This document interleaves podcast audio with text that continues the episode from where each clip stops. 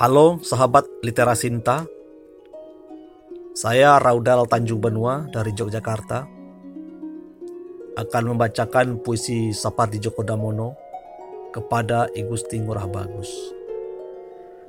Program ini diselenggarakan oleh Literasinta AWCPH UI untuk mengenang Sapardi Djoko Damono.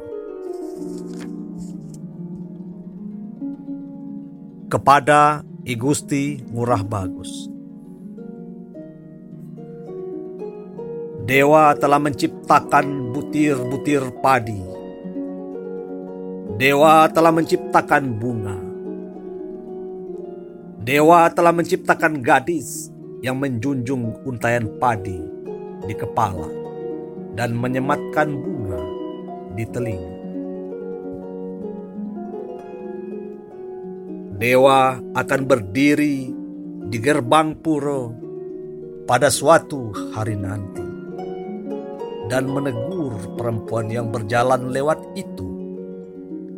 Katanya,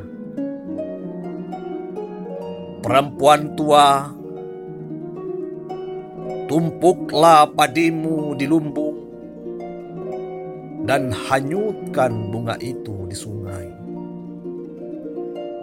Biar kuperintahkan orang-orang itu membuat api di tanah lapang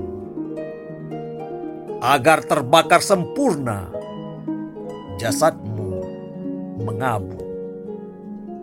Sapardi Djoko Damono 1973